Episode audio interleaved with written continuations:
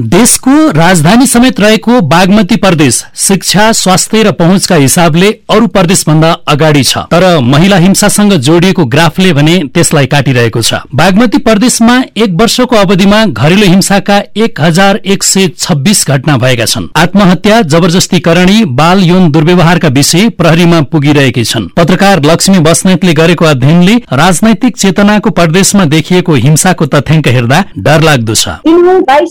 महिला र बालिकाहरू छन् तर आधा पनि भेटिँदैनन्। घरेलु हिंसा चाहिँ एघार सय छब्बिसवटा आत्महत्या पाँच सय दस त्यसमध्येमा महिला तिन सय उन्तिस र बालिका पचपन्न। जबरजस्ती करणीको घटना तिन सय सातवटा भएको रहेछ। जबरजस्ती करणीको उद्योग उनानब्बेवटा बोक्सी आरोप तेह्र बाल एवं दुर्व्यवहार छयालिस र जातीय छुवाछुतको चाहिँ प्रहरीसम्म पुगेको घटना दुई ती घटनाहरू। हरेक आर्थिक वर्षमा बढ्दै गएको देखाउँछ। अरू छवटा प्रदेशमा र बागमती प्रदेशमा बराबरी जस्तै हुन्छ। मुलुक संघीयतामा गएसँगै सातवटा प्रदेश सरकार निर्माणको तीन वर्ष पूरा भएको छ। सबै संसदमा नागरिकसँग जोडिएका मुद्दामा बहस पनि भइरहेको छ। तर महिलाका सवाल भने संसदको बहसमा ओझेलमा परेको सांसदहरूकै भनाइबाट पुष्टि हुन्छ। सांसद रमा आले मगरले संसदीय समितिको सभापति भइरहँदा पनि संसदमै विभेद भएको महसुस गर्नु भएको छ। म एउटा पाँचवटा समिति मध्येको एउटा समितिको महिला सभापतिको हिसाबले हेर्ने हो भने कतै म महिला भएर तपाईँले हरेक प्रोग्राममा चाहिँ अङ्कुश ल्याउन खोजिरहनु भएको छ कि किन हो? म आफू महिला सांसदको हिसाबले महिला सभापतिको हिसाबले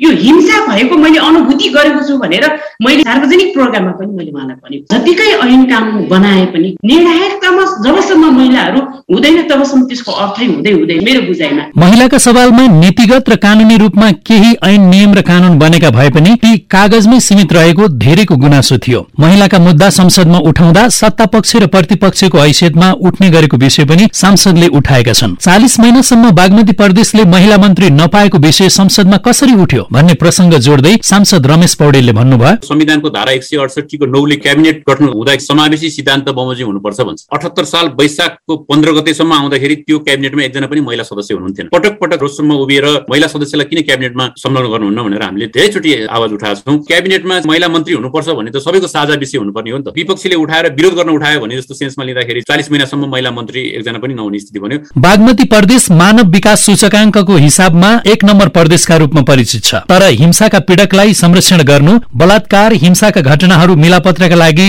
सांसद राजनैतिक दलहरूले संरक्षण गर्ने गरेका केही घटनाक्रमले त्यसलाई गिज्याइरहेको अध्यता डाक्टर समीक्षा कोइरालाको टिप्पणी छ।